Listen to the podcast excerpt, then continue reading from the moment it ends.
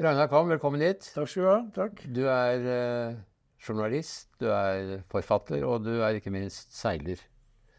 Og alt dette får du uttrykt nå i din nye bok om seiling i Nord-Norge. Ja, en, eh, jeg har kalt boka 'En sjøreise i nord', Ja. og det er det det dreier seg om. Ja. Og eh, det er en reise med min båt, Northern Quest, som jeg jo nå har hatt i 35 år, er det vel. Seilt jorda rundt med. Ja.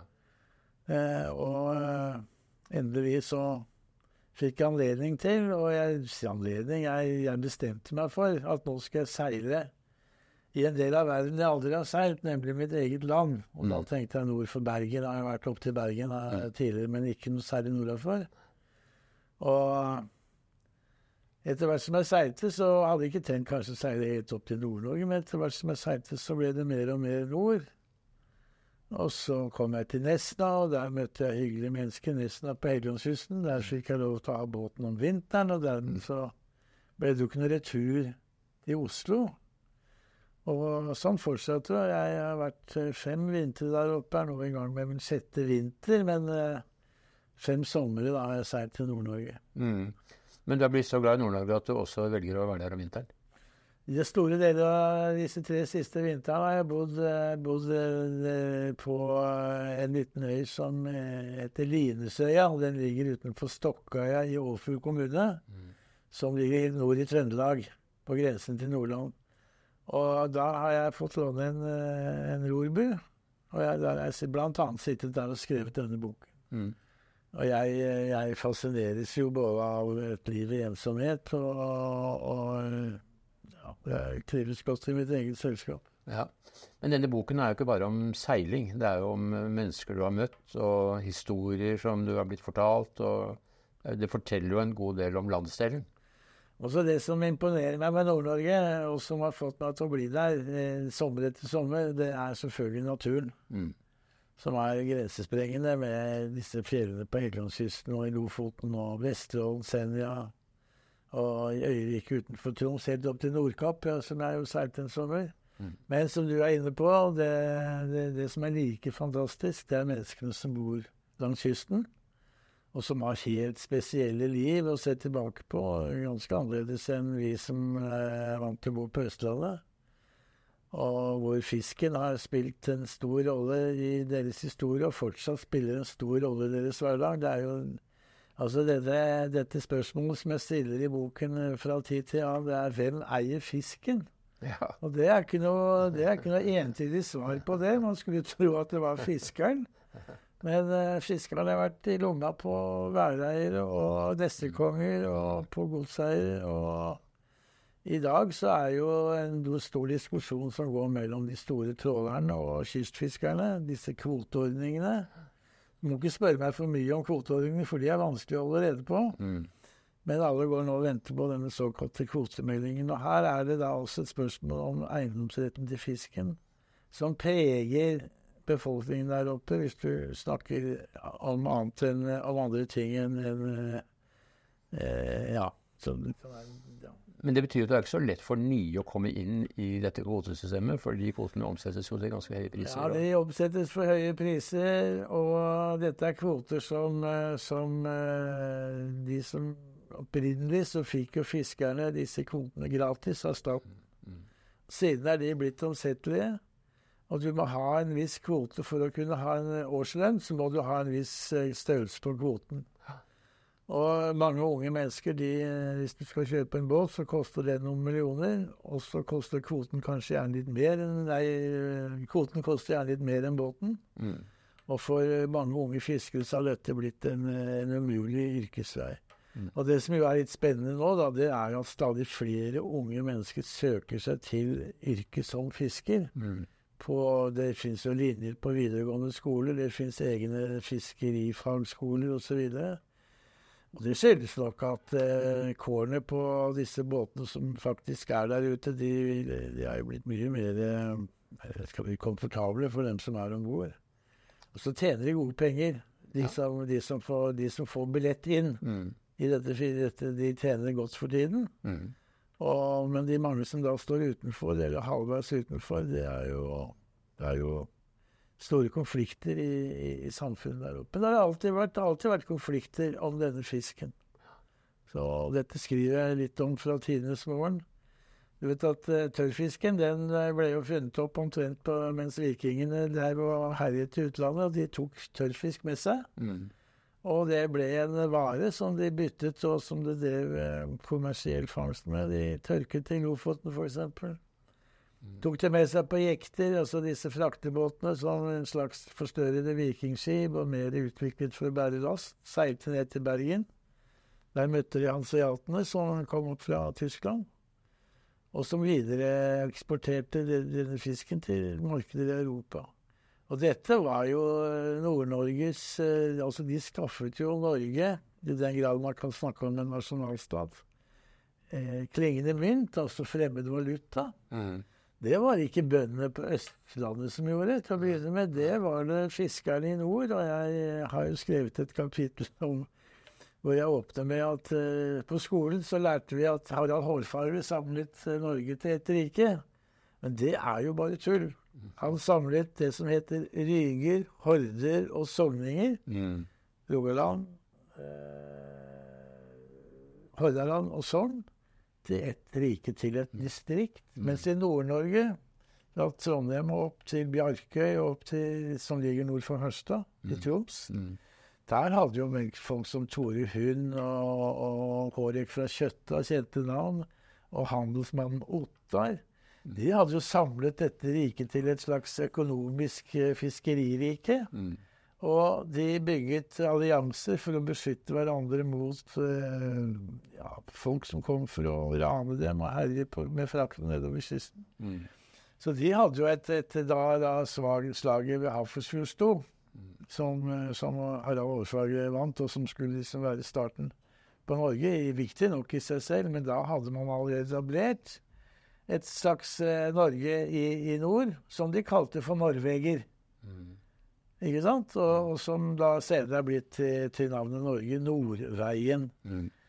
Og eh, en historiker som heter Andreas Holmsen, han eh, mener jo at uh, allerede på 800-tallet, det er før slaget ved, i, i, i Hafrsfjord, som skjer i 8, ja, på slutten av 800-tallet Allerede før dette så hadde man en følelse i nord at man levde, bosatt, var bosatt i et land som het norveger. Man hadde altså en slags, slags følelse av å tilhøre et land som hadde et navn. Mm. Tidligere enn kanskje man har vært vant til å omtale tidligere. Men dette er jo en del av, av, den gamle historien eh, der oppe. Du har seilt i dag. Ja. Eh, men du, har, du har jo, Knut Hamsun er jo aktuell i disse dager fordi det er 70 år siden han døde. Og rettighetene til bøkene hans er nå fri. Uh, Hvem sa du? Hamsun. Hamsun, ja. ja, ja. Men, men Nord-Norge er også Hamsunsriket. Var du da på de øyene der hvor han Ja, jeg har jo vært altså på Hamarøy, og så har han jo holdt til i, i, um, i Kjerringøy. Mm. Det var visst ikke så mye der som historien egentlig Nei, hadde til. Det er nok viktig. Men uh, på Hamarøy, og han, han, så har han Nei da, han er til stede der oppe, og disse romanene hans, mange av dem, henter jo sitt stoff fra ja fra, fra, fra nettopp den norske, nordnorske kysten. Og der har jo væreier og sant, hele dette miljøet som, som han Sindre, som var som nådde sin, sin, sin høyde på 1800-tallet og inn, inn, så smått inn på 1900-tallet. Men Nord-Norge er jo sånn fra naturens side ganske ulikt. Altså Hvis du tenker deg Lofoten og mellom øyene der er det jo litt trangt å seile. Men du har jo åpne stykker som det er veldig fint. Uh, og Helgelandskysten, ikke minst, som er jo kanskje perlen. Ja, altså, du kan velge akkurat det havstykket du vil, bredt eller smalt. Det er mange muligheter. Og hvis du vil ha noe bredt som samtidig er i, i, eh, i, i, i Vestfjorden, mm. som skiller Lofoten der mm. ute, og med fra fastlandet Helgelandskysten der inne, som jo slett ikke er en fjord, det er jo veldig bredt. Det er jo 30 nautiske over, ikke sant, over. Mm. Og, og, det er jo et havstykke. Ja. Og det er et havstykke som kan være ganske brutalt. Ja. Jeg, jeg, om sommeren så er det sjelden det blåser noe særlig utpå der. Eh, om vinteren så kan det være noe helt annet. Og så har du alle verdens slags kroker og krinker mellom øyene, og så har du dype fjorder. Mm.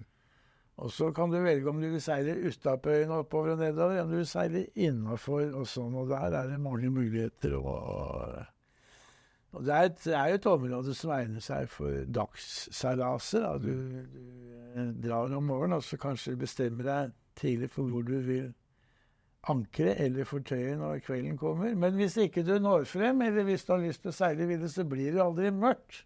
Nei. Nei.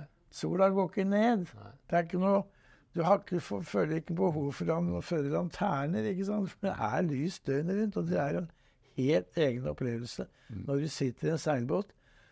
Farten er liten, men du har masse timer til rådighet. Mm. Ja, så er det bare å være der ute, da. De fleste snakker vel om Helgelandskysten som liksom perlen i, i dette, men, men det er vel ikke riktig å si at det er det eneste Det er ikke det eneste, men jeg kaller det gjerne perlen. Men eh, da må vi jo få lov til å ta med et par andre perler, og det er selvfølgelig Lofoten. Mm. Og så har du Vesterålen. Mm. Og en sånn, eh, en sånn perle med ekstra, ekstra skinn i, så er jo det Senja. Mhm. Jeg vet ikke om du har vært der, eh, Mikkel? men- Du har seilt Senja rundt. Og Du har seilt Senja rundt. Og Mm. da vet du hva vestkysten av Senja er. Mm. Vi kom jo oppover der. Jeg har seilt der flere ganger, men den første gangen så hadde vi blå himmel, og det var sne på fjellene der inne. Ja. Og vi hadde slør, liten sånn østlig fralandsvind, så vi bare skled oppover langs. Og så gikk vi inn til Gryllefjord, Ja. som ligger litt på nord, ja, nesten nordvest på øya. Som jo er bekjent for sine Jeg husker første gang jeg hørte om Gryllefjord, da var jeg ti år gammel. Mm. Og det var om disse torsketungeskjærerne. Unge gutter og jenter som Mm. skar torsketunger. Barnearbeid. Barnearbeid. Det var det ingen som snakket om, og ingen som snakker i dag heller, for dette er et yrke som fortsetter. En beskjeftigelse. Mm. Og så får de da et visst antall øre, var det før, nå er det kanskje en krone, gudene vet, for hver tunge. Mm. Og det var en konkurranse hvem skar flest. Jeg kom der i, på et tidspunkt midt på sommeren. Da var jo torskefisket over for det. Men liksom Gryllefjord det synger en sånn egen sang inni mitt hode. Mm. Så jeg syns det var fantastisk å komme inn i Gryllefjord. For øvrig, der er jo Per Kleiva kom jo derfra, vet du, kunstneren. Mm. Han er født i Torsken, mm. som er over fjellet. Det heter faktisk Torsken, det er en liten bygd der. Og et av hans bilder, det har jeg ikke spurt ham om, han dessverre gikk bort for noen år siden, men eh, kjente Per godt. Han ga meg en gang et, et, eh, et trykk som fra et visst sted i Grydefjord så ser du fjordinngangen som det speiler seg i, i dette trykket. Og det var også en egen opplevelse for meg å komme til Grydefjord. Dette er et bilde jeg har hengende over Henger på soverommet hjemme. Fantastisk. ja vel. Ja. Mm. Kan, kan, du si, kan du peke ut et favorittsted? Et enkelt favorittsted? Et enkelt favorittsted, skal vi se det, Hva skal det bli, da? Det er, altså jeg, jeg er jo veldig glad i, selv om det da ligger i Trøndelag, da må jeg nevne det, Linesøya. Denne lille øya som jeg bodde på i et liten, liten rorbø. Mm. Eh, I to vintre. Det var storm og kuling og snø så det holdt, eller regn, eller is, sørpe. Det var all verdens ting. Mm. Unntatt sol. Det var veldig på vinteren. Et fantastisk sted. Nei, altså seilermessig så er det jo, så er det jo Jeg har vært et sted som heter, eh, som heter Lånan. Ja. Og det er et dudvær som ligger helt ytterst i, eh, på Helgelandskysten, i skjærgården. En del av verdensarvområdet som Temega. I, i, der er det fortsatt produksjon av dun til dundyner og dunputer og dunvotter og hva du vil. Da ea, som de kaller ærfuglen, altså Mm. hunnfuglen til ærfuglen, de kaller de for ea. Der var jeg sammen med Steinar Bastesen, en eventyrfigur. Ja. Eh, oppi, han bor i Brønnøysund, og dette ligger rett ut fra Brønnøysund. Det var Steinar for øvrig som, eh, som Vi kom ut fra, fra havnen i Brønnøysund, og så sa jeg til Steinar du kan ikke ta roret litt, for jeg må ordne litt med noe greier på fordekket her. Jo da, han tok roret, han, og det beholdt han siden. Han ville ikke innføre seg igjen. Og han tok oss da ut til Låndal gjennom mylderet av øyer. og det han behøvde liksom ikke å se på kartet, han, for det hadde han vært før. Ja. Nei, så Lånland, det er, det, det, er, det er noe med næringsvirksomheten der ute som er 1000 år gammel, og som fortsetter i dag. Du kan få kjøpt en dyne til 80 000 kroner, tror jeg det er nå. Mhm. Eh, hvis du har tid å vente tre-fire år, som er ventetiden for dette Det er jo ikke stor produksjon. Ja, så lang tid det tar å spare opp beløpet der. Det tar, ja, det var noe sånt nå, ikke sant. Så jeg, jeg lot meg ikke riste. Det angrer jeg egentlig litt på, men OK. Og så har du Og så har du eh, Og så har du Ja, det er altså flere Jussesenja, som jeg nevnte da. altså. Apropos produksjon, så er det jo blitt brennevinsproduksjon på flere øyne der oppe. Har du fått andre til å smake litt på whiskyen ja, derfra? Ja, det, er, det, er, det er Myken, heter den mest berømte av det. Ja. Og Den har jo en egen historie. Myken ligger rett den ligger i Rødøy kommune, tror jeg.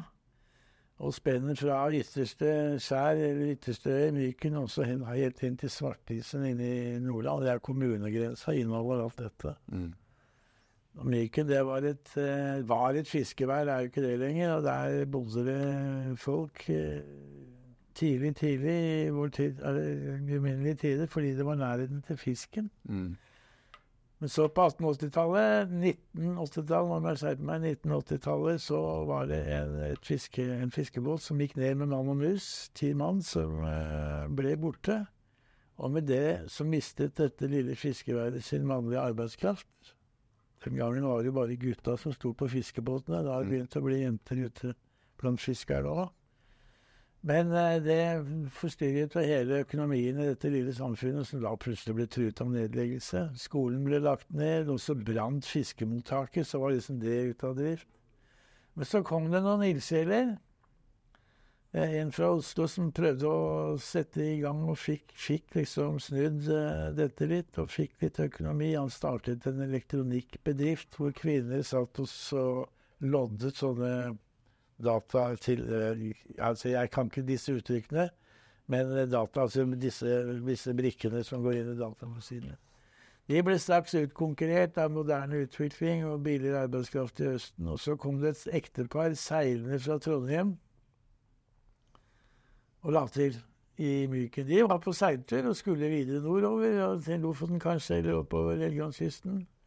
Men så ble det dårlig vær, og det ble så dårlig at de ble liggende en hel uke.